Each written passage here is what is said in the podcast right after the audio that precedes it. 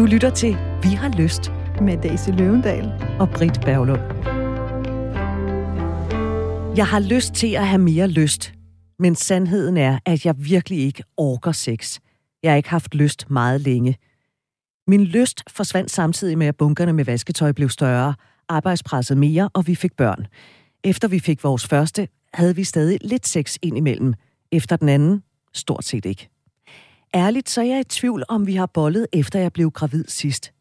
Det er trist at tænke på, for jeg vil gerne. Eller i princippet vil jeg. Men når så det kommer til stykket, så orker jeg det ikke rigtigt. Jeg ved ikke, om han savner det. Han siger ikke ret meget om det. Kan man have et godt parforhold uden sex? Kan det komme igen af sig selv? Burde jeg bare gøre det, selvom jeg ikke har lyst? Jeg er så forvirret. Daisy, det er en henvendelse, du har fået. Ja. Og øh, på grund af det, så skal vi i dag tale om lyst. Eller mere præcist, om lysten til at have lyst. Og jeg tror, at rigtig, rigtig mange kan genkende sig selv i det, som denne her kvinde beskriver. Både i beskrivelsen af, at lysten nemt kan drukne i vasketøj, familie og arbejdspres, men også spørgsmålet om, hvorvidt man kan have et godt parforhold uden sex, og om man skal gøre det uden at have lyst. Alt det, det bliver vi klogere på i dag. Og min umiddelbare tanke, det er, at det ikke bare sådan, det er. Men det kan godt være, at det slet ikke bare er sådan, som det er. Det skal vi opklare i løbet af de næste minutter. Det her, det er, vi har lyst. Daisy Løvendal, du har arbejdet med det her emne i rigtig mange år som coach, parterapeut, klinisk seksolog og også personlig rådgiver. Jeg hedder Britt Berglund, og det er altså Daisy og mig, du skal være sammen med den næste lille time. Og så får vi også besøg af Søren Hein Rasmussen, det er et klogt hoved. Han er historiker, han er foredragsholder og forfatter. Han står blandt andet bag bogen, der hedder Fri Porno. Og så har han læst stort set alt. Altså alt med versaler om lyst og seksualitet. Øh, Daisy, du har jo et øh, ret godt kendskab til Søren Hein. Kan man sige, at Søren er det, man kan kalde en, skal vi sige, en lystnørd? Øh, ja. og det er med, med den største respekt og kærlighed. Jeg elsker at lytte til ham, og det er ingen hemmelighed. Jeg har hørt nogle af hans foredrag, og hver gang har jeg været sådan helt høj, og jeg er simpelthen så glad for, at han har lyst til at komme med og være gæst her i dag, og ligesom give os sådan det lidt større perspektiv på de her problematikker.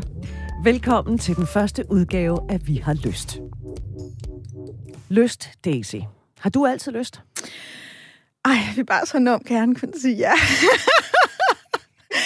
Ej, men nej, altså selvfølgelig har jeg ikke det. Altså hånden på hjertet. Jeg har, jeg har mistet min lyst mange gange i mit liv. Øh, jeg har også fundet den igen mange gange i mit liv, og jeg tror, noget af det, jeg nyder der, hvor jeg er i mit liv i dag, øh, det er, at jeg har fået en fred med, at lyst kan være lidt ligesom tidevandet. Det ruller op og ned, og vandet er højere og lavere. Og det har jeg accepteret som et vilkår, og det har den kæreste har accepteret som et vilkår, både i, i mig, i ham og imellem os.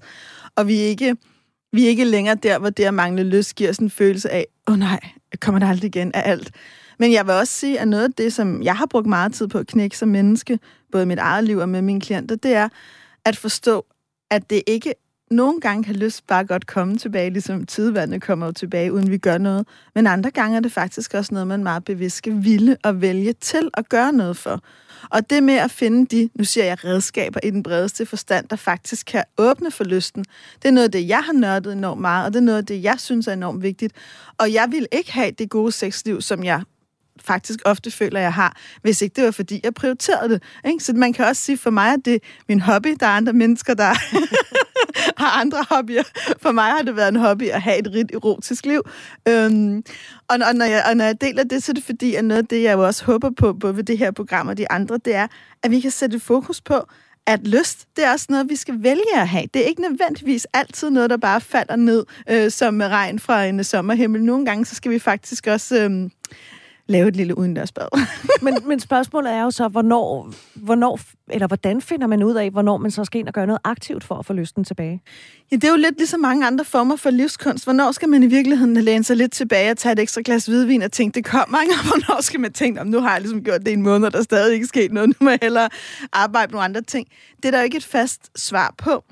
Men, men, jeg, men, men apropos det her brev, da det var, jeg læste det, så tænkte jeg, at jeg har helt sikkert også mistet min lyst i præcis det samme scenarie, som denne her kvinde beskriver. Jeg vil sige, jeg har selv født tre børn, og for mig var, altså, jeg kunne nærmest have skrevet, ikke lige præcis det her brev, men jeg kunne have skrevet om at miste min lyst, særligt efter mit andet barn, hvor jeg virkelig druknede i moderskabet. Og jeg har talt med rigtig mange kvinder, der har der har mistet deres lyst i det her, præcis det her krydspres imellem at have været fået børn og har været sammen noget tid og have et arbejdspres og måske ikke at kunne forbinde sig med sin kæreste med det. Og jeg tror, når man er der, så er det min erfaring, at der er vi nogle gange nødt til at gå ind og arbejde lidt med det, fordi der er det ikke nok bare at vente, for der er der faktisk par, der glider meget, meget, meget langt fra hinanden, og endnu vigtigere end par, mennesker, der glider meget, meget, meget langt væk fra deres egen lyst og seksualitet så man kan glide væk fra sig selv. Præcis. Og Britt, så bliver jeg sådan lidt nysgerrig. Ikke? Hvordan har du oplevet det her med lyst eller manglende lyst? Jamen, men jeg, altså, jeg har også oplevet, at lysten den har svigtet i parforhold. Øh, og jeg har jo hverken... Jeg har vasketøj, men jeg har ikke børn. øh, og jeg har arbejde, men, og jeg har en opvaskemaskine, der skal tømmes og, og sættes i og sådan noget. Men, men jeg har jo ikke det der tidspres, som der er rigtig mange andre, der lever under. Og når jeg har tænkt tilbage på, hvornår det er, lysten er forsvundet for mig, så kan jeg ikke sige, hvad det er, der har gjort det. Det er egentlig det mest frustrerende. Ja. Hvis så bare jeg havde et eller andet, hvor jeg kan sige, men det er præcis derfor. Men jeg har, og så har jeg jo været single i nogle år. Øh, har jeg mistet lysten der? Det er et rigtig godt spørgsmål. Øh, jeg ved godt, du ikke stillede det. Jeg stillede det selv. Mm. Øh, det ved jeg ikke, om jeg har. Jeg tror... Hvordan skal jeg forklare det? Jeg tror, jeg har haft lagt låg på. Kan man godt det? Ja, ja nu spørger jeg dig, fordi det, du er den klogeste af os to. Men der, der er meget, meget, meget lange, altså virkelig sørgeligt lange perioder, hvor jeg overhovedet ikke har skænket den tanke. Mm. Altså overhovedet. Øh, og så har jeg måske lige skænket den tanke, og så tænkt, Nå, men det er jo lige meget. Altså, jeg vil egentlig hellere have et stykke mad, øh, fordi det er der, jeg er i mit liv. Gå ved, om det nogensinde kommer tilbage. Ja. Og der kan jeg bare sige, det gør det. Ja. Fordi ja, det, men... det, det har jeg så opdaget nu. Oh. Øh, at i det øjeblik, man så begynder at udforske, om den der lyst kan dukke op igen. Og prøve at, at stille sig ud, hvor isen også knager lidt en gang imellem. I forhold til nye relationer, i forhold til øh, mænd, som man måske ikke kender så godt, eller, øh, altså, eller kvinder, eller hvad man nu er til. Mm. Øhm, men jeg synes, at det mest frustrerende, det har været i de der parforhold, hvor at jeg ved sgu ikke, hvad der er gået galt. Nej. Eller gået galt. Ja, fordi der er jo nok et eller andet, der er gået galt. Altså, jeg ved, du er jo i hvert fald sådan en fortaler for, at hvis man, hvis man ikke har lysten, så kan det pege hen i retning af, at der er et eller andet i ens liv, der ikke fungerer. Ja, og når jeg siger det, så mener jeg i virkeligheden i det meget brede perspektiv. Det behøver ikke at handle om ens parforhold, det kan handle om enormt mange ting. Men, men jeg tror også, at det der, det, der er vigtigt for mig at understrege, når jeg taler om lysten, og at den kan pege hen imod, at der er noget galt, så er det fordi for mig er lyst også en livskraft og en livskilde. Det er ikke kun, lyst til ikke kun at være, have lyst til sex, det er også at have lyst til at leve, og have lyst til at opleve, og have lyst til at lege, og have lyst til at udforske. Lyst, i virkeligheden er lyst jo et meget større begreb end seksualitet. For mig, der er sexlyst i virkeligheden, man kan sige en underafdeling af, af livslyst. Og for mig giver det enormt meget mening at placere de to ting sammen. Fordi at der er så mange... Det er måske fordi, jeg nogle gange føler, at, at sexlysten ligesom er blevet skubbet ud til side som noget, der ligesom er afkoblet for resten af livet. Og jeg vil enormt gerne have seksualiteten og sexlysten også ind i midten af livet og i centrum af livet. Fordi når jeg oplever mennesker, der kommer til mig, hvor lysten driller, så er der jo ofte mange faktorer i det. Vores lyst er jo ikke afkoblet for resten af vores liv. Og en anden ting er jo også, hvordan vi så håndterer, at den lyst lige nu ikke er der, er jo heller ikke afkoblet for resten af vores liv. Men, øhm, men øh, hvor, hvordan, jeg ved ikke, hvordan jeg skal stille det her spørgsmål på en ordentlig måde. Prøv. Jamen, fordi at man kan hurtigt komme til... Og jeg stiller jo de dumme spørgsmål, fordi jeg, jeg ved jo ikke noget om det her. Jeg elsker det. Men det kan måske godt for nogen... Eller det ved jeg ikke. Jeg har tænkt på, om det er sådan et altså first world problem, ikke? Jeg har ikke lyst. Øh, nej, og hvad så? Det er der ikke nogen, der dør af. Nej, altså man kan sige, jeg tror mange steder i verden, og det er jo også det, og det, nu skal vi jo have Søren på lige om lidt, så kan fortælle meget mere om det, men det er jo også en mere moderne ting. Om hvorvidt man havde lyst eller ej, var jo ikke noget, man overhovedet beskæftigede sig med for meget kort tid siden. På den måde er det, at vi har et sprog for lyst, at vi ønsker at have lyst, at vi taler om vores lyst, og vi har lov til at have lyst, jo en meget ny ting. For ikke særlig lang tid siden var det kvinders pligt at reproducere og blive gravid og få børn og sikre affølgen, og det blev hun ikke spurgt om, hvorvidt hun havde lyst til. Det var hendes pligt. Og det var noget, man skulle, og det var forventeligt, og det handlede om reproduktion.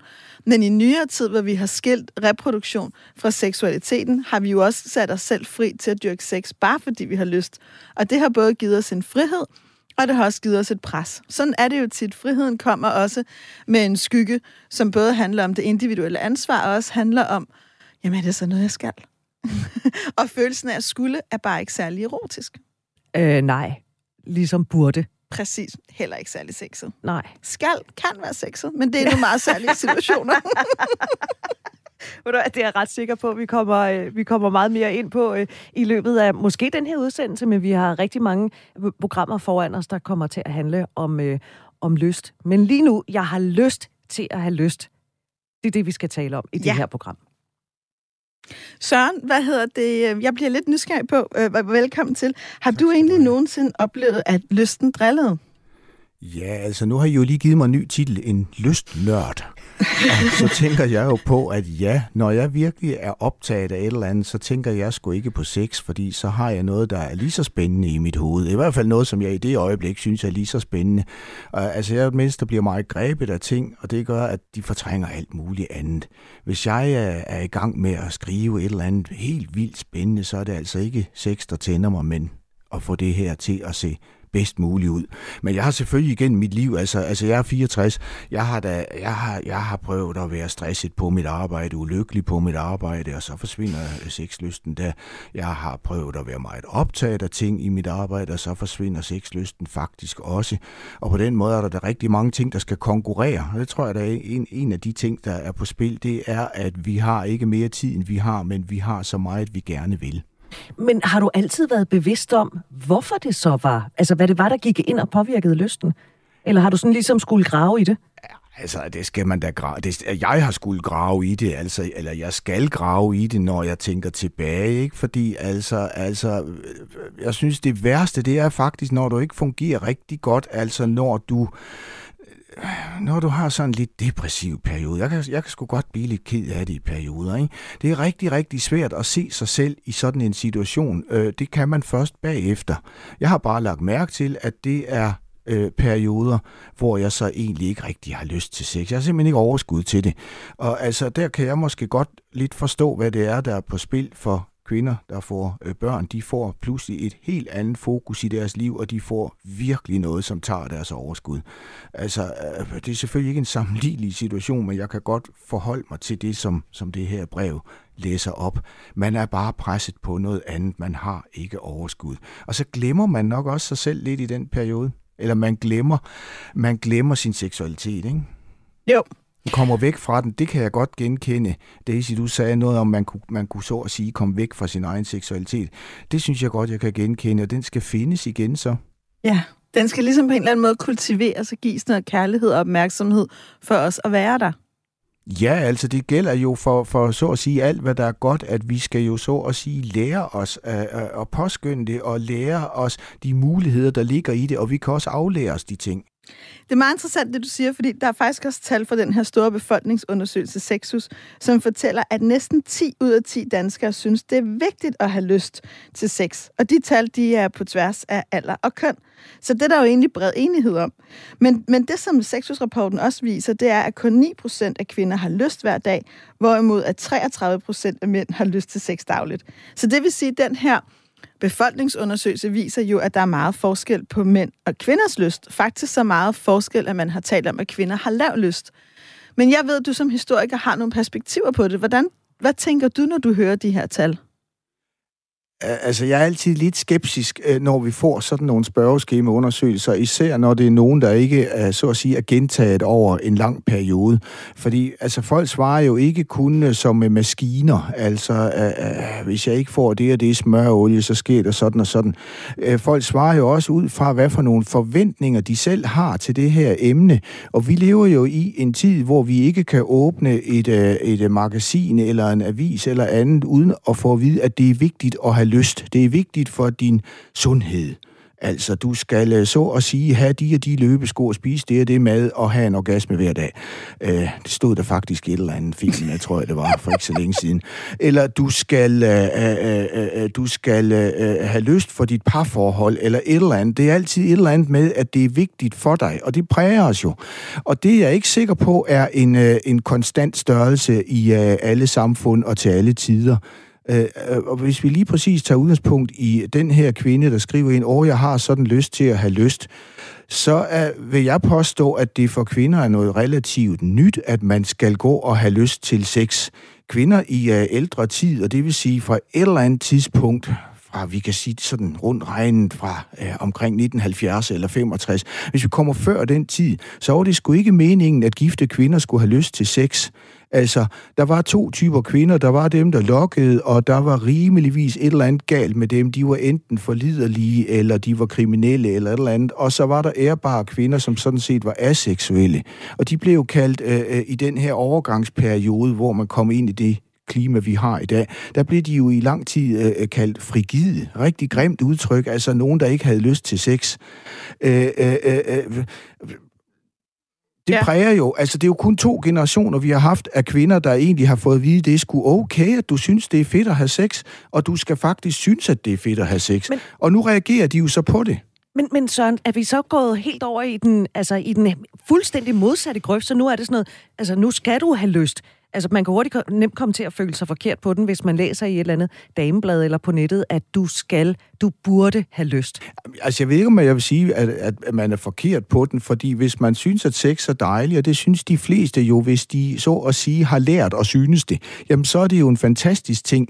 Men det er jo en farlig ting, når vi i høj grad pakker sex ind som noget, der er med til at definere dig som succesfuldt menneske, eller når vi pakker sex ind som noget, der er godt for noget andet, altså eksempelvis for din sundhed, eller fordi du skal have et stærkt parforhold, og så skal du partout have sex for, at det øh, fungerer. Altså sex, øh, så at sige, bliver et redskab til noget andet. Det synes jeg, der er en skidt udvikling.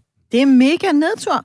Og det vil jeg faktisk sige, selvom jeg må være guilty as charged, så det også handler om at skrive et dameblad, så er, jeg, så er jeg sindssygt enig med dig i det. Og det altså, jeg vil lige sige, jeg holder altså rigtig meget af de der artikler i Kvindemagasinet. Jeg synes, de er meget vigtige, så det er ikke uh, for at nedgøre dem. Nej, jeg bemærker mig bare, hvor meget der er af den type litteratur, som jo uh, uh, altså isoleret set kan være meget god, men som samlet set jo gør, at vi alle sammen løber en stor risiko for at få det som en norm. Du skal skulle have sex hver dag, og du skal være glad for det. Præcis. Ja, og det var i virkeligheden det, jeg mente med, at så kan man føle sig forkert på den, hvis man ikke har lyst Præcis. til sex hver dag, eller lyst til den orgasme hver dag, hvor man bare tænker... Ja, nej. og jeg tror da i allerhøjeste grad, det er et spørgsmål for moderne, i hvert fald yngre kvinder, at de skal bare være meget, meget seksuelt orienteret for, at de skal øh, være succeser.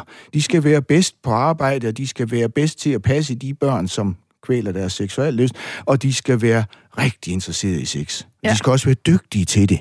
De skal jo ikke bare dyrke almindelig sex, de skal jo være med på hvad som helst. Ja, og så skal de være super slanke og super sunde og dyrke motion jo, jo. og få pulsen op og ned ja, og meditere. Ja, ja, men og du... rigtig meget af det her rammer jo også mænd, men altså kvinder er jo nok dem, som, som, som, som er, er, er altså det er måske et forkert udtryk, hårdest ramt, altså som, som det her rammer mest, fordi det er en historisk set ret ny ting for kvinder, at de også skal være med på succesvognen her. Ja, ja og noget af det, jeg har tænkt, det er også, også i forhold til de her tal, hvor man, hvordan man ligesom tolker dem, og det, og det rammer mig meget, når du siger, der har været en historisk udvikling, som er rimelig ny. Førhen var, var sex skamfuld, og det måtte kvinder ikke have, og nu skal vi pludselig have det. At jeg oplever også kvinder, der ligesom lidt siger, om jeg har ikke rigtig lyst. Men når vi så åbner lidt samtalen, og vi kigger lidt på, hvad kan lyst også være, og er lyst noget andet end kun at være sådan spontant tændt, hvad det også, så er der jo faktisk flere og flere kvinder, der faktisk finder ud af, nå, nå men så har jeg egentlig lyst. Min lyst ser bare ikke sådan ud, som den beskrives af andre. Og, så, og derfor vil man jo, hvis man ligesom, jeg tror nogle gange, at hvis man havde siddet og tænkt lyst lidt bredere, og man ligesom på en eller anden måde havde talt om, at lyst kan være flere ting, så tror jeg også, eller har i hvert fald en idé om, at nogle kvinder også vil svare anderledes på de her skemaer. Altså, det kunne jeg godt forestille mig. Altså, det er jo igen et spørgsmål om, altså, hvad, hvad, hvad er det, vi, uh, vi uh, lægger i uh, det her begreb at have lyst til sex, eller at være uh, føle sig som seksuelt menneske. Ikke? Der kan jo være både en bredere og en snævere palet, og rigtig meget af det, som det i dag drejer sig om, er i virkeligheden teknik, når du læser. Mm. Og det er nemlig super, super ærgerligt, fordi hvis der er noget det erotiske selv, hvor lysten bliver kvalt i, så er det teknik, mekanisk sex og krav. Så i virkeligheden kommer vi jo til at gøre lige præcis det, vi ikke ønsker, når vi kun taler om det.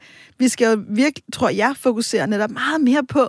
Det erotiske er jo det, det er jo, det er jo stedet for frihed, for udforskning, for sanselighed, for leg. Det er jo netop ikke, om det er den ene vej eller den anden vej, eller om man laver storken eller bevianen, eller hvad man nu laver.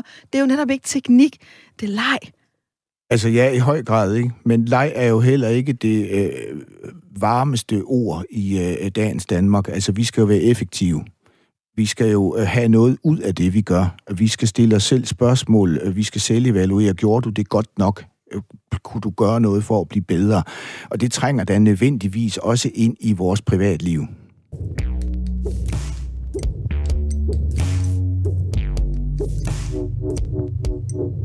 Du lytter til Vi har lyst her på øh, Radio 4, Daisy Løvendal, og jeg, Britt Berglund, er værter. Vi har besøg af Søren Hein Rasmussen, der er, ja, vi har jo allerede sagt det, Søren, du er lystnørd. Øh, du ved en, øh, en masse om lyst, du ved en masse om seksualitet, du har læst stort set alt, der er af litteratur om, om den slags, så står jo også bag bogen Fri Porno. Søren, nu talte vi lige om de her forventninger til kvinderne. Ja. Hvad med forventningerne til mændene? Har den ændret sig ad år?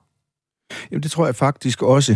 Altså, det store vandskæld, som jeg ser, det kommer jo, da øh, øh, kvinder får mulighed for selv at styre deres reproduktion. Ikke? Og det vil sige i første omgang med øh, øh p-pillen, og kort tid efter med spiralet, og, og, og hvad nu øh, de forskellige øh, præventionsmidler, som kvinder styrer, øh, øh, indebærer af nye muligheder. Og øh, hvis vi ser på øh, tiden øh, øh, øh, før her, jamen så har vi jo egentlig en ret klar opdeling, når vi kommer til de seksuelle mænd, er dem, der er de udfarende og øh, har lysten, og kvinder er dem, som øh, øh skal tage imod, så at sige. Ikke? Og så er der naturligvis øh, de farlige kvinder, dem, der ligesom er uden for det gode selskab, som øh, øh, øh bliver kaldt nymfomaner. Det betyder, at de gerne vil have sex, eller som ligefrem er prostitueret, og dermed jo er kriminelle kriminelle. Øh, og det er jo sådan set det mønster, der er. Øh, så øh, på den måde er, er mænd jo ligesom kvinder underlagt nogle bestemte øh, øh ret stramme regler for, hvordan de skal... Øh, se deres egen seksualitet. Og det tror jeg da også er, øh, altså har ændret sig i takt med, at kvinder har, så at sige, i højere grad erobret deres ret til at have sex. Jamen, så ser vi jo kvinder selv, altså meget unge kvinder, eller måske især meget unge kvinder, udfolde et seksuelt liv, som man ikke ville have set før midten af 60'erne, hvor at øh, unge kvinder jo af gode grunde måtte rigtig, rigtig, rigtig meget frygte for konsekvenserne af sex.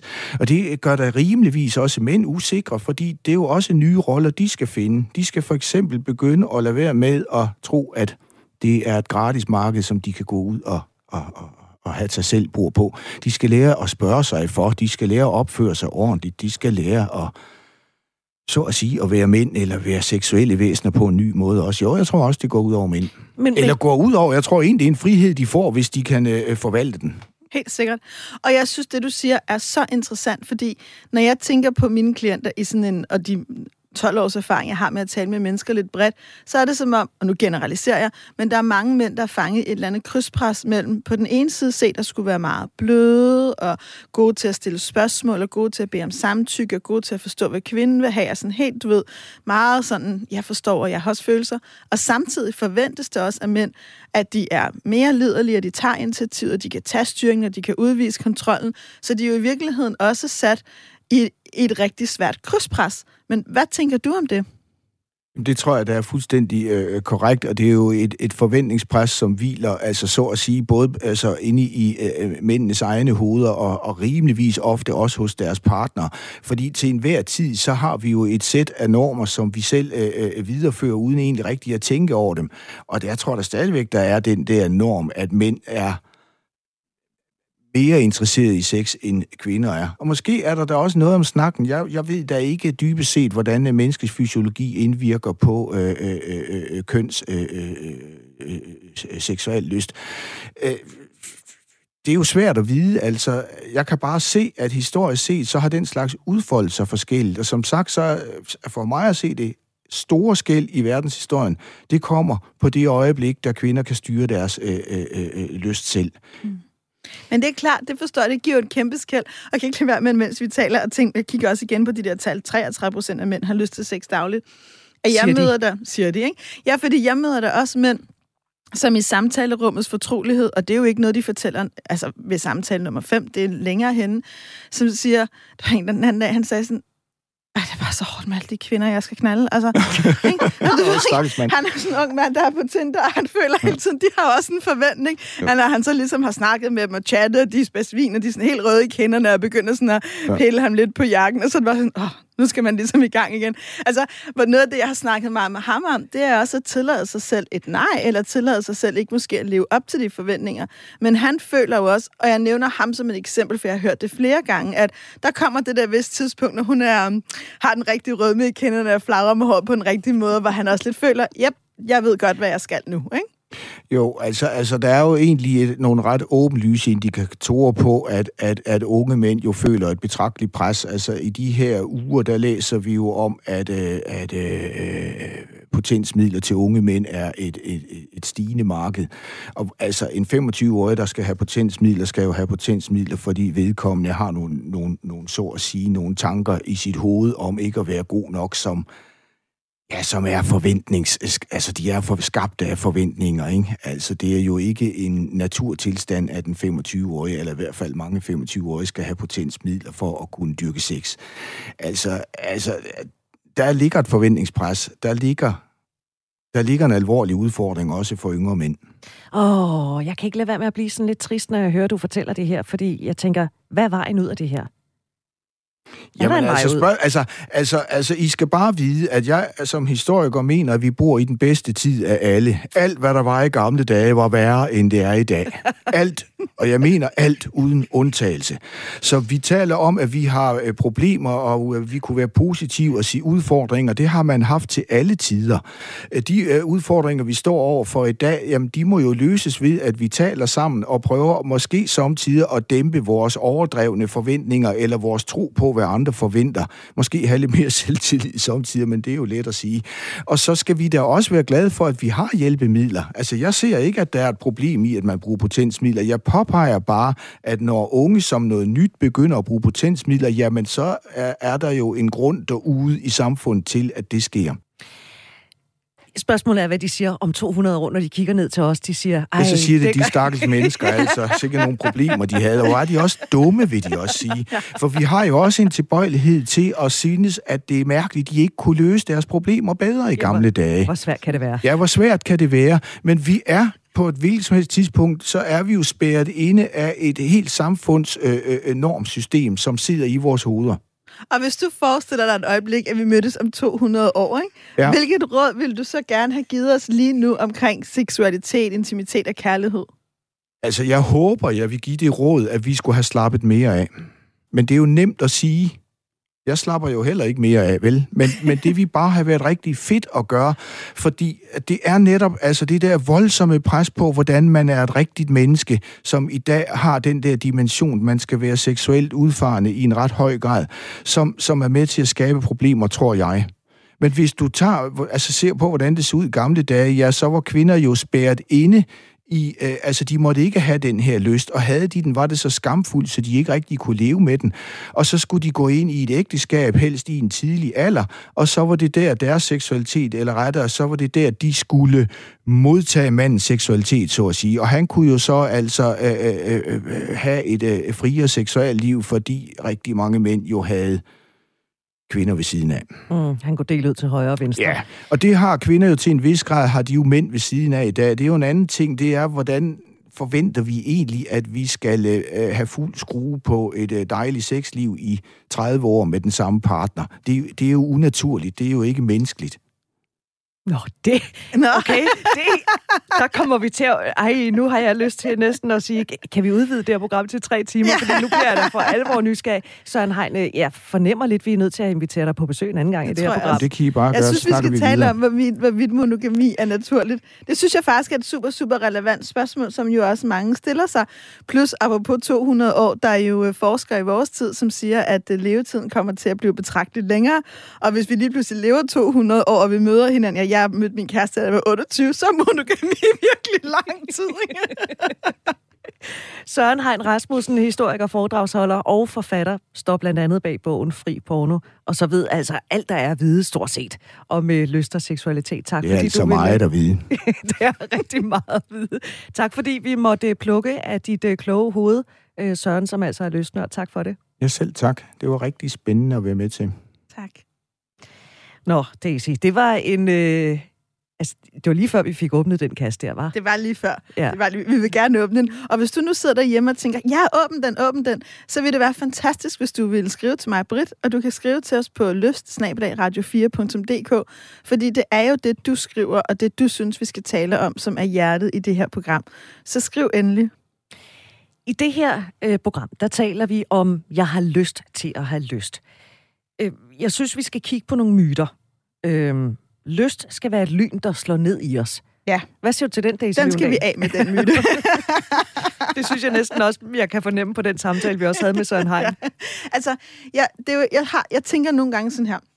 Hvis du nu kommer gående ned ad gaden, og du ser en lækker mand eller kvinde, og det er en, du i forvejen kender, og du bare kan mærke, ja, yeah, gør det. Please, lov mig, du kommer for sent til mødet, eller henter dit barn som det sidste, eller hvad. Gør det. Tag det. Altså, drik det der øjeblik i livet. Tag det hele vejen ind og nyd det. Fordi de øjeblikke, hvor lynet slår ned i os, er jo fantastiske, og de er jo måske skabt for at give os en modvægt til alle de hårde dage, hvor der ikke er nogen lyn og ikke er nogen stjerner. Men hvis vi forestiller os, og når vi taler om lyst, at vi kun forbinder det med den form for lyst, altså det man også med et fagsprog kunne kalde spontan lyst, så sker der det for rigtig mange mennesker, at når de ikke længere er pure unge, der sker også noget med vores biologi, som vi bliver ældre, mm. eller de ikke længere er forelskede, der sker også noget med, hvordan vi reagerer, når vi er forelsket eller ikke. Så hvis ikke vi hverken er pure unge eller forelskede, så oplever vi ikke det her lyn særligt tit. Så hvis vi tror, at, at sex kun skal komme, når det her lyn står ned i os, så vil der være rigtig, rigtig, rigtig mange dage i livet, hvor vi tror, vi ikke har lyst. Og det var nemlig det, jeg skulle til at spørge dig om. Er det i virkeligheden der, altså hønnen eller ægget, at det, det er der, den begynder i virkeligheden? Ja, præcis. Og man kan sige, det er jo en af de ting, hvor man aldrig finder ud af, hvad er hønnen og hvad er ægget. Men der, men der er jo ingen tvivl om, at, eller i hvert fald noget af det, jeg, det er både det forskning viser, og det er også noget af det, jeg meget har erfaret i mine samtaler, det er, at når jeg arbejder med mennesker om ikke kun at tro og lyst den her spontane lyst, hvor lynet er der, men også at begynde at arbejde med det, man kan kalde det modtagelyst, eller med et fagsprog receptiv lyst. Det er faktisk en meget interessant kanadisk psykiater, der hedder Basson, som ligesom er ophavskvinde til begrebet. Og det, hun har forsket i, det er, at der er en form for lyst, som opstår efter seksuel stimulation, altså efter kærtegn og efter ophidselse. Og det er lidt ligesom, dengang, dengang jeg læste, så tænkte jeg på, for mange år siden var jeg i Frankrig, og der mødte jeg sådan en super sofistikeret ældre fransk kvinde, og hun sagde til mig, når man bliver ældre, er det ikke altid, man sætter sig til bordet og har lyst til at spise alle retterne. Og jeg nikkede jo bare, jeg var helt sådan ung. Nej, nej, okay, klar. Jeg var altså mega sulten. og så sagde hun, øhm, men nogle gange, så kan alderdommen også lære en visdommen i bare at begynde at tage et par bidder. For nogle gange, når man spiser, så kommer appetitten. Og så tænkte jeg, det er da meget fint råd. Og tænkte, hun talte om mad. og så jeg så nogle ældre, og på en eller anden måde med at tænke over det, er det jo gået op for mig, at det var en fantastisk metafor, og det hun egentlig på en meget poetisk måde talte om, at det er i dag, vi kalder modtagelyst, som er, Nej, det kan godt være, at du ikke går rundt og tænker, jeg er mega sulten, jeg har lyst til den helt store øh, forretter, aperitif og hovedretter, dessert, og hvad har vi? Men det kan godt være, hvis du satte dig til bordet, og maden var lækker og indbydende, og situationen var bare til dig, og du har fri, og du kan lege, at man så opdager, gud, hvor er det her egentlig lækkert, og hvad har jeg egentlig længtes efter det her?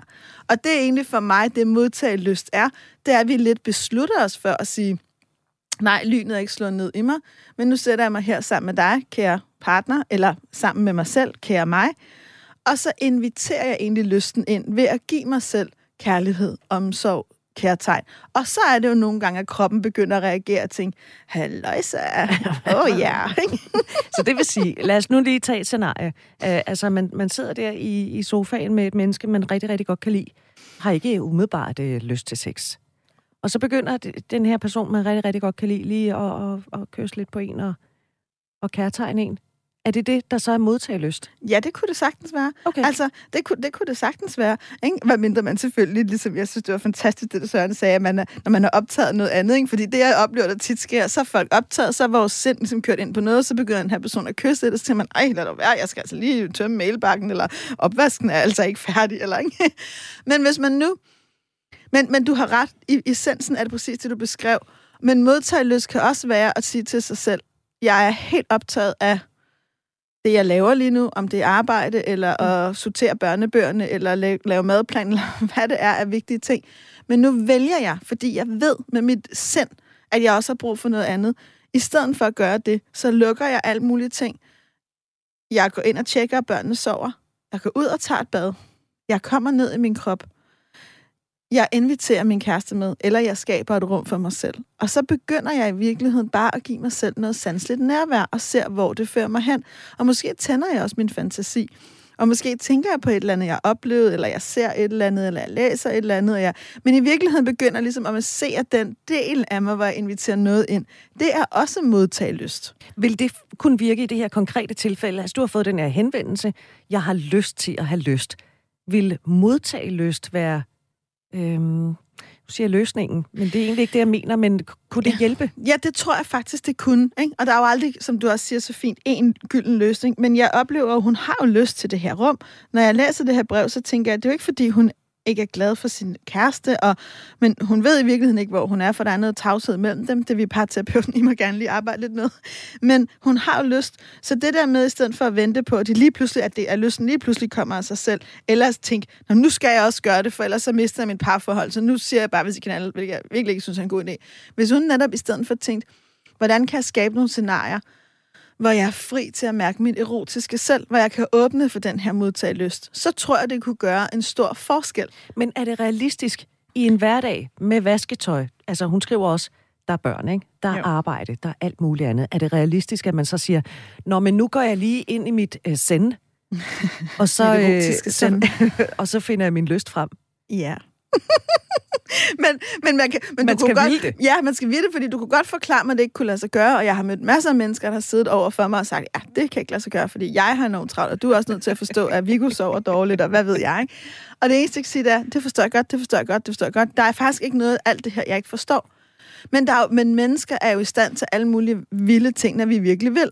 Når vi har en affære og er super forelsket, så finder vi også et tidspunkt at mødes med vedkommende på, om det så er i en kantinekælder eller på et lejehotel. Altså, altså, det kan vi lade stå hen. Men vi, vi kan også godt finde de penge til at tage ud og rejse, hvis det er, at vi bliver alvorligt syge. Der er faktisk mange ting, vi godt kan, hvis det er, vi vil. Men jeg tror, det, der er den største forhindring, det er ikke det, folk siger, som er tiden, eller jamen, hvordan skal jeg nå det med alle de ting, jeg skal nå. Det er, at de ikke får fundet den, nu ser jeg bare, knap det sted inde i sig selv, hvor de i virkeligheden forstår, hvorfor er det vigtigt. De formår at være tilpas, og nu siger jeg et ord, mange ikke kan lide, egoistiske, til faktisk at insistere på sig selv. Og det der med at vælge noget til for sig selv, insistere på det og handle på det, det er der rigtig mange mennesker, der har svært ved. Fordi det føles forbudt og forkert. Så det er jo også et sted at begynde at arbejde. Og jeg tror for rigtig mange kvinder, der er mødre, og det er faktisk præcis det, jeg selv, særligt med mit andet barn, mistede lysten. Mit første barn og mit tredje barn, jeg har nogle lidt andre historier. Det var, fordi jeg i virkeligheden blev så god en mor. Jeg blev så god en mor. Jeg blev så god en kæreste. Jeg blev så god en alt muligt. Og jeg var så optaget af at være god nok, at jeg i virkeligheden slap kontakten til mig selv. Og ja, det var mega svært. Og ja, jeg var bange for, at min kæreste var god nok til at putte, eller at fejle, eller ikke at have pakket det. Altså, det er jo, det er jo og alle de her små ting, og ikke det, det handler om. Det handler jo i virkeligheden om en dyb og inderlig følelse af, at man vil bare så gerne være verdens bedste mor, og sørge for, at ens barn har alt godt. Og det med at komme ud af den morbevidsthed, det kræver nogle gange et spring, og det kræver nogle gange også en partner, der måske hjælper en og kigger ind i øjnene og siger, du har gjort det godt, du er god, slip, slip for helvede alle dine tanker, gå ud, find dig selv, gå ud og drik vin med nogle veninder, tag en bluse på, find noget undertøj, tag et bad, gå en tur, do whatever you feel like. Og, og, og nøgleordet er, hvad du har lyst til. Gå ud og find din lyst nogle steder i livet, og tag den tilbage stille og roligt, for det er også der, noget af lysten til sex kommer fra.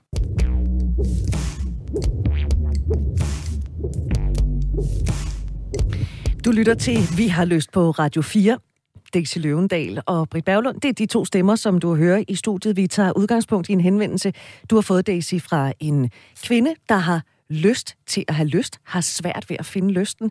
Jeg kunne godt tænke mig, hvis vi lige, fordi hun stiller nogle spørgsmål i, øh, i den her henvendelse, som jeg godt kunne tænke mig, at vi lige vente. Mm, god idé. Noget af det, hun spørger om, det er, hvis, altså, hvis udgangspunktet er, at hun ikke finder lysten, kan man have et godt parforhold uden sex? Altså, det har jeg jo rigtig meget lyst til at svare på, men hvad tænker du, Britt? Jeg... Nej. Nej? Jamen, eller jo... Øh, Nej, det er fedt, fordi jeg vil, jeg vil sige ja, så lad os prøve at folde det ud. Jamen, det er i virkeligheden nok bare, fordi jeg ikke kan se ud over egen næsetip. Mm. Øh, jeg kan ikke forestille mig at være i et parforhold uden sex. Mm. Det kan jeg sim- Jamen, jeg kan ikke forestille mig det. Mm. Øhm. Og det er jo øhm. sindssygt fair. Og det er jo ikke bare fair, det er jo modigt, det er vigtigt. Og tak for din ærlighed. Og jeg tror, at det, det er virkelig vigtigt, at man lige omkring det her er meget, meget ærlig, både over for sig selv og over for sin partner. Men det kan jo godt være, at jeg vil synes, det var okay. Det kommer over an på.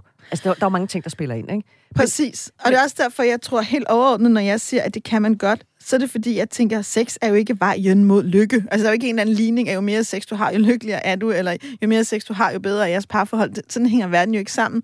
Og derfor tror jeg sagtens, man kan have et godt, godt parforhold uden sex, hvis man begge to har det godt i det.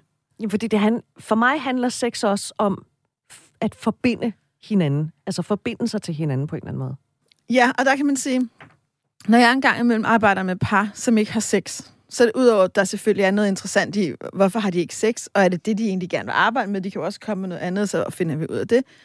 Så, der, så møder jeg jo nogle gange, det er ikke så tit, men jeg møder også mennesker, som netop forbinder sig i noget andet. Som måske er det, de forbinder sig i, er en fælles lidenskab for familien, arbejdet, ambitionerne, rejserne til Frankrig, øh, forfatterskabet, hvad ved jeg. Altså, jeg tror, du har meget, meget ret i, at det er vigtigt for mennesker at være forbundet til deres partner, men jeg tror, vi er nødt til altid at have den ydmyghed, at vi ikke ved, hvad der gør andre mennesker at føle sig forbundet. Mm. Selvfølgelig. Men hvis man skal leve i et parforhold uden sex, så er det vel også enormt vigtigt, at man har man er skarp til at kommunikere. Præcis. Fordi der, hvor jeg tror, det går galt, det er, hvis man for, for at nå dertil, hvor man finder ud af, at det ikke, vi har, for os er sex ikke vigtigt, så er man jo nødt til at have den samtale, for ellers så bliver det jo måske, en, jeg har også med et par, hvor det var en forestilling, i virkeligheden havde de ikke særlig, nu, måske havde de ikke sex, eller så havde de ikke særlig meget sex, men de havde en frygt for, at den anden ikke synes det var nok. og den frygt, den afler jo en masse pres og en masse følelser, utilstrækkelighed og en masse usikkerhed. Men hvis man ligesom får landet, okay, er du egentlig tilfreds? Jeg er egentlig tilfreds. Okay, men jeg er egentlig også okay. Altså, nogle gange møder jeg jo også, og jeg har egentlig haft sådan en fantastisk par, kommer til at tænke på, som har ligesom lavet sådan en eller anden fred med, ja, i den her del af vores liv har vi ikke særlig meget sex, og det er okay. De har så håbet om, at det kommer. Og det er jo et eller andet sted meget smukt. Jeg synes jo, der er noget smukt i at være lidt optimistisk og håbe på, at tingene bliver anderledes. Og jeg vil sige, at i deres tilfælde er der også rigtig mange exceptionelle ting. Der er blandt andet en af dem, der har en forælder, der er syg, som jo også virkelig er noget, der, der kræver af os som mennesker helt ned for grundkræfterne. Der tror jeg, det er vigtigt, og det, der gør forskellen for, at de har et stærkt parforhold, det er, at de står sammen i, at sex ikke lige nu er vigtigt. Og, og det er jo det, der... Kan man have et godt parforhold uden sex? Ja, hvis I står sammen i det. Kan I have et godt parforhold med sex? Ja, i virkeligheden også, hvis I står sammen i det. For parforhold handler jo også i sin essens om at være så tæt og intimt forbundet med et andet menneske, at vores seksualitet er på den ene side set noget individuelt, men den er også noget fælles. Og det er vi nødt til at kunne være i begge de dimensioner. Men jeg kan bare ikke lade være med at tænke på, at Johan Ørting var ude her for nogle uger siden, i forbindelse med, at hun øh, udgav sin nyeste bog, De fem erotiske sprog, mm. og var ude at slå et slag for, at vi er rigtig, rigtig dårlige til at tale om sex. Altså en ting er, at vi måske ikke taler med vores venner og veninder om det, men vi er også rigtig dårlige til at tale om det med vores partner. Så hvis man skal have det gode parforhold uden sex, så kræver det jo, at man tager den der rent udsagt forbandet samtale. Ikke? Jo. At man hanker op i sig selv. Og det kræver det jo også, hvis man i virkeligheden, vil jeg i hvert fald våge påstå, vil have god sex. Fordi en del af det at have kontinuerlig god sex, er jo også at blive ved med at finde ud af, hvad er det for dig? For det er jo en illusion at tro, at hvis du møder en eller anden, et eller andet dejligt menneske i et eller andet tidspunkt i dit liv, og du finder ud af, okay, han eller hun kan virkelig godt lide det der, okay. Så det er jo ikke det samme, som at de virkelig godt kan lide det 10 år efter. Altså det vil jo svare til, at du stadigvæk synes, at arbejde er det eneste fede band i verden, og du hører slet ikke alt det andet, der kommer. Ikke? Og man gider jo heller ikke spise med disterpølse hver dag. Øh, nej, vel? Altså, så man kan sige, det, bliver, det, det kræver jo, at vi er gode til at tale om sex, og vi er gode til at være ærlige, og vi er gode til at, og det tror jeg, der er mange, der skal øve sig i, ikke at give det svar, de tror, den anden vil have, eller ikke at sammenligne sig med, hvad de tror, de andre gør, men i virkeligheden at sige, jamen, erotik er noget af det mest intime, der findes. Der starter med, at du udvikler dit forhold til dig, og jo mere du udvikler det, jo mere kan du dele det. Hvis, du er så, hvis din partner er så heldig at få lov til, at du deler det. Og det må godt have lidt den der flirtende energi af, jeg deler det her ikke fordi du er min partner, og fordi jeg skal. Jeg deler, fordi jeg har lyst. og vi har lyst her det har vi. i det her program. Vi skal tale om et andet spørgsmål, som øh, der står i brevet her. Hun spørger, burde jeg gøre det, selvom jeg ikke har lyst? Nej. Altså, og det, der, der, der er ikke særlig mange ting, jeg er meget firkantet omkring, men lige præcis det her, det er sindssygt firkantet om, fordi jeg mener, at det er en fuldstændig stensikker vej til at smadre din egen lyst. Altså pligt sex. Ja, pligt sex, det er et blankt nej. Og det er også fordi, jeg læser det som, at... Jeg læser, jeg, altså jeg læser det som, jeg, jeg har ikke lyst, jeg gør det alene af frygten for, at vi ellers øh, kommer til ikke at finde hinanden igen. Og det er altid nej. Vi skal ikke dyrke sex, der er baseret på frygt. Vi skal ikke dyrke sex, fordi vi vil opnå noget ved det. Det er fint nok at tænke, ligesom vi også har snakket om, at modtage lyst. Okay, måske har jeg ikke lyst lige nu, kan jeg gøre noget for at få det. Men jeg synes, det er en ekstremt vigtig ting, at vi ikke går ind i pligtsexen, fordi det kan godt være, at det er den situation, hvor man bytter pligt sex væk til følelsen af, så har man en god weekend. Det møder jeg jo stadigvæk mennesker, der siger til mig, og det er ikke, fordi jeg har nogen dom over dem. Jeg har den dybeste respekt for, hvad det er, de gør. At de siger til mig, prøv at høre, sommerferien går bare lidt bedre, hvis jeg sørger for, at han får et blowjob hver tredje dag, eller altså, bare for at give et konkret eksempel. Men det gør mig en lille smule ondt, for det er jo de samme, der også kommer til mig meget ofte. Jeg siger ikke, der er, ikke, der er måske andre historier, og så vil jeg gerne høre dem, skriv. Men der er også bare rigtig mange af dem, der fortæller mig om, at de føler sig endnu mere frakoblet deres parforhold, at de føler sig mere frakoblet for sig selv, og de ender med en eller anden følelse af, ikke at kunne være i sig selv, fordi det at give sex, som jo er så intimt for os, når man ikke har sig selv med, og lyst kan være, du kan sagtens give et blowjob til en partner, ikke fordi du selv er sådan liderlig, men fordi du elsker vedkommende, eller nyder deres nydelse, altså der er mange variationer, men hvis det bliver den der, jeg skal gøre det for, at den anden er sød, eller i godt humør, eller vi har det godt, så bliver det nemlig en ren pligt. Og når vi gør noget seksuelt af ren pligt, så gør det noget ved os. Det er ikke omkostningsfrit. Det er ikke bare de otte minutter, det tager, som nogen siger. Det er også, hvad det gør ved din sjæl, ved din psyke og dit sind, at være nødt til at gøre det. Og det er der, de fleste bliver vrede. Når jeg oplever mennesker, der har gjort det længere hen, der er det der, de er vrede. Du fik mig til at gøre det her. Er du klar over, hvor mange gange jeg har gået over mine egne grænser? Og den vrede mod et andet menneske, den er rigtig svært at komme tilbage fra. Og det er også derfor, jeg er meget sådan, nej, lad endelig være med at gå ind i det, for det åbner så mange hårde ting. Og nu sagde du lige, skriv endelig til os. Lad mig lige sparke ind. Lyst radio4.dk. Skriv endelig til os, øh, hvad du end har af, af tanker om det her. Øhm, omvendt, så kan man også sige, det er jo ikke fedt at dyrke sex med en partner, der ikke har lyst til at dyrke sex. Nej, forhåbentlig ikke, vel? Altså, det er det. Nej. altså, så, så Nej. endnu et no-go til pligt-sex. Ja, tak. Præcis. Præcis. Og jeg tror faktisk også, og okay, nu det der kønsstereotyper, jeg oplever mange mænd, der også siger, jamen det, jeg har brug for, er, at hun har lyst til mig. Det er ikke, at hun gør det. Jeg har brug for at mærke, at hun vil mig. Mænd tænder vel også på kvinders lyst, eller på deres partners lyst, alt efter den en mand, kvinde, eller hvad det er? Præcis. Ja, på deres partners lyst. Altså, jeg, jeg læste på et tidspunkt, og jeg ved ikke, om, om, om hvor valid kilden var, men det var nogle undersøgelser, der var lavet omkring, hvordan mennesker reagerer, når de ser porno. Og noget af det, den fortalte om, det var, at noget af det, der tit virkelig er ophidsende for folk, det er at se den, der bliver altså hvis det er en kvinde, der bliver taget, og se hendes tænding på det. Altså, jeg tror, det ligger også meget dybt i os, når vi dyrker sex, at vi vil rigtig gerne have, at vores partner nyder det, og vi vil rigtig gerne både se, høre og mærke, at det, vi giver dem, er ikke bare velkommen, men virkelig velkommen. Som man siger. Prøv at høre, øh, Daisy, vi har syv minutter tilbage. Okay. Hvad siger du til, at øh, du lige disker op med nogle konkrete redskaber? Kunne det ikke være meget fedt? Jo. Altså, fordi det der med, øh, øh hvordan tænder man sig selv, og hvordan slukker man sig selv? Hvornår, hvornår er det, man skal slukke sig selv? Ja. Så man altså, kan... stop dig selv, den kender vi, men, men sluk sig selv. ja, altså som man siger, de konkrete redskaber, vi gerne vil dele med, det er netop, det er jo i virkeligheden bare det at spørge dig selv, hvornår er det egentlig, jeg slukker mig selv? Er jo faktisk et konkret redskab, fordi de fleste der går rundt i vores liv, og hvis vi så lige tænker om, hvornår slukker jeg egentlig mig selv, for jeg, og det er jo så den her tanke om, det er svært at have god sex, og det er svært at få lyst til mere lyst, og det er svært at få lyst til sex, hvis virkeligheden er slukket. Og vi kan heller ikke kigge på vores partner og sige, giv mig lyst, giv mig det nu for vanen. altså, så jeg tror, det er vigtigt at finde ud af, hvad er det egentlig, der sker i mit liv, der gør, at jeg slukker mig selv. Er det, når jeg går mine egne grænser? Er det, når jeg ikke sover? Er det, når jeg ikke spiser ordentligt? Er det, når jeg træner for lidt eller for meget? Er det, når jeg ikke siger, hvad jeg føler? Er det, når jeg hele tiden tænker på, om jeg er en god nok mor? Er det, når jeg prioriterer mailbakken om aftenen fra arbejdet frem for min egen behov? Altså, hvornår helt konkret slukker jeg mig selv? Og så er det jo, når du, når du bliver klar over det, så har du også i virkeligheden en opgave til måske at sige, måske skulle jeg så lade være med at gøre det. Der er noget, inden du taler videre, så er der noget, jeg lige er nødt til at... Ja, selvfølgelig. Det er fordi, når du siger, når jeg slukker mig selv. Det bliver sådan lidt... Altså, jeg er selv skyld i det. Ja, ja jeg Eller tror, er det, tak. Ja. når noget slukker mig? Jamen, det er jo begge dele. Altså for mig, det er jo... Åh, hvor er jeg glad for, at du siger det, ikke? Fordi der skal man godt nok have tungen lige i munden. Nej, det er jo altid din egen skyld. Det er, for, jeg taler ikke ud fra et perspektiv om, du har gjort noget forkert eller skyld. Jeg taler mere ud fra, ja, der er noget udefra, der kan slukke dig. Det slukker mig, at du taler surt til mig. Det slukker mig, at øh, min boss er urimelig. Det slukker mig, at jeg bliver ved med at kigge på min krop og føle mig tyk, eller hvad det nu end er. Så der er både noget, der sker. Okay, nogle gange skal vi så bare acceptere, sådan er det.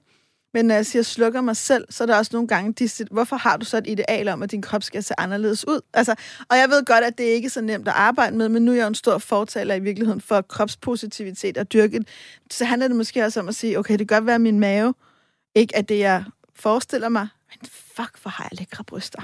Altså, ikke? Nå, men, altså, du ved, eller det kan godt være, at det her, men det her, det er, jo, det er jo også en måde, at i virkeligheden ikke kun kigge på det, der slukker mm. for en. Hvilket jo så fører mig over til det næste spørgsmål, jeg synes, vi alle sammen skal stille os selv, og det er, hvornår tænder du dig selv? Ja, tak. Ikke? Altså, og det er jo lidt den der, hvornår gør du de der små ting? Om det så er at kigge på dine egne fantastiske bryster, eller beundre din penis og give ham et ekstra klem, når jeg alligevel øh, har en, en god stund sammen. Altså, hvad end det er, om det er at huske på alle de ting, du gør godt, eller de mennesker, du er vigtig for, eller tage skjorten på, hvor du føler, du ser lidt ekstra hot ud, eller t-shirten, der lige er trashet på den rigtige måde, hvor du føler dig lidt vild. Altså, alle de der små ting, for jeg tror, det er vigtigt, at vi også tænder os selv. Er det fantasien? Er det genbesøgen? Er det at genbesøge den vilde sex i Berlin, du havde i 2017? Eller altså, whatever it is. Altså det der med, at tænde dig selv, og også gå ind i dit parforhold og i dit single-liv lidt mere tændt. Fordi vi kan ikke forvente, at andre mennesker kan tænde os. Men nogle gange, når den ene er tændt, og der er en gnist, og de kaster det over mod den anden, så kan vi måske starte et bål. Mm. Og du har spurgt, du har ret mange følgere på Instagram. Du har spurgt dem forud for, at vi skulle lave det her. Sådan, øh, øh, hvornår slukker du dig selv, og, og hvornår tænder du dig selv? Er der en, en rød tråd i, i en af dem? Ja, ja, altså man kan sige, jeg kan jo godt læse svarene op. Jeg ved ikke, om der er en rød tråd, men man kan sige, når folk slukker sig selv, så taler de jo meget om det der med, når jeg er i min offerrolle, når jeg er stresset, når jeg er vred, når jeg ikke føler mig pæn, når jeg ikke mærker, at vi er forbundet, eller når jeg føler mig forladt eller forlader mig selv, når jeg ikke gør det, der er godt for mig, og når jeg længes efter nærhed. Så den røde tråd i det er jo en eller anden følelse, er jo en eller anden beskrivelse af, at jeg er ikke forbundet til mig selv. Jeg har det ikke godt i mig selv. Jeg passer ikke på mig selv. Jeg føler en utilstrækkelighed i virkeligheden. Præcis. Ja. Ikke? Og jeg er ikke forbundet med dig. Mm. Og det fortæller jo også, ja, det starter også med, før vi kan god sex med en anden, så skal vi også have et dejligt lystfuldt forhold til os selv. Og, og det modsatte nu, jeg er så taknemmelig for de mennesker på Insta, der svarer, altså virkelig af hjertet tak, fordi I gør det. Det betyder så meget for jeres stemmer med. Folk skriver, når jeg spørger, hvordan tænder, eller hvornår tænder du dig selv, så siger de, når jeg ikke kun har pligter at gøre mod kørende i på hovedet, kørende i mit hoved, når jeg bruger tid på min krop, når jeg tager lange bade, når jeg cremer mig ind, når jeg tager sexet undertøj på og giver mig selv følelsen af at være feminin, når jeg vinterbader, helt bare, når jeg fantaserer, når, jeg, når der er tid til mig og min kæreste, og når der er noget imellem os, som er mere end sex. Det er jo sindssygt smukt, og fortæller jo igen også om det her med, lyst handler også om at passe på din livslyst, mm. på hele dig. Så hvis man sidder som kvinden, der havde skrevet til dig, og siger, jeg har lyst til at have lyst, så løbet ikke kørt? Nej. Du skal ud og vinterbade og fantasere og gøre det, der er godt for dig, og gå lidt væk fra det, der slukker dig, og tage en samtale med, med ham, som du ikke har fået snakket med, for i virkeligheden også at finde ud af, hvor, hvor er han hen i det her. For jeg tror, det vil hjælpe det her par og stille og roligt at åbne den her samtale. Og så vil jeg også bede dem om ligesom at lytte til det med modtagelyst igen og tænke, okay, måske er lysten her ikke lige nu, og måske er målet heller ikke, at vi skal have knalle eller have sex. Måske er målet, at vi skal have nogle gode kyssestunder. Mm. Og intimitet, det er jo meget mere end sex. Præcis, og noget intimitet. det, og det kommer vi til at vende rigtig, rigtig mange gange i løbet af, af de kommende programmer, det er jeg helt sikker på. Nå, øh, det er jo således, at vi bruger et hashtag, der hedder Vi har lyst på øh, Instagram. Yes. Og man skal jo bare følge alt det, man har lyst til. Og ja. man skal bare kontakte enten dig eller mig, eller os begge to, hvis man har lyst. Ja, på lyst.radio4.dk. Og mm. det er vi, vi altså helt... Min største nervøsitet ud af at sige et eller andet dumt eller andet, det er, at I ikke skriver. Ikke? Så ikke fordi jeg nu beder jer om det, men igen, det betyder bare så meget, og vi vil så enormt gerne skabe et rum for det, du gerne vil tale om. Så skriv, og det behøver ikke at være velformuleret, eller kommaerne står rigtigt, og du kan skrive både fra hjertet og fra hovedet. Bare skriv. Fordi sammen bliver vi klogere, og vi lover, at vi gør det også anonymt. Det er ikke, fordi vi bræller ud med, hvem du er. Det vil vi aldrig gøre. Nej. Så øh, det her, det var det første, Daisy. Er du, har du lyst til mere? Ja! Ja, men så gør vi det igen om ikke så længe. Lyst snablag radio4.dk. Daisy Løvendal, Britt Berglund. Programmet det er produceret for Radio 4 af Only Human Media.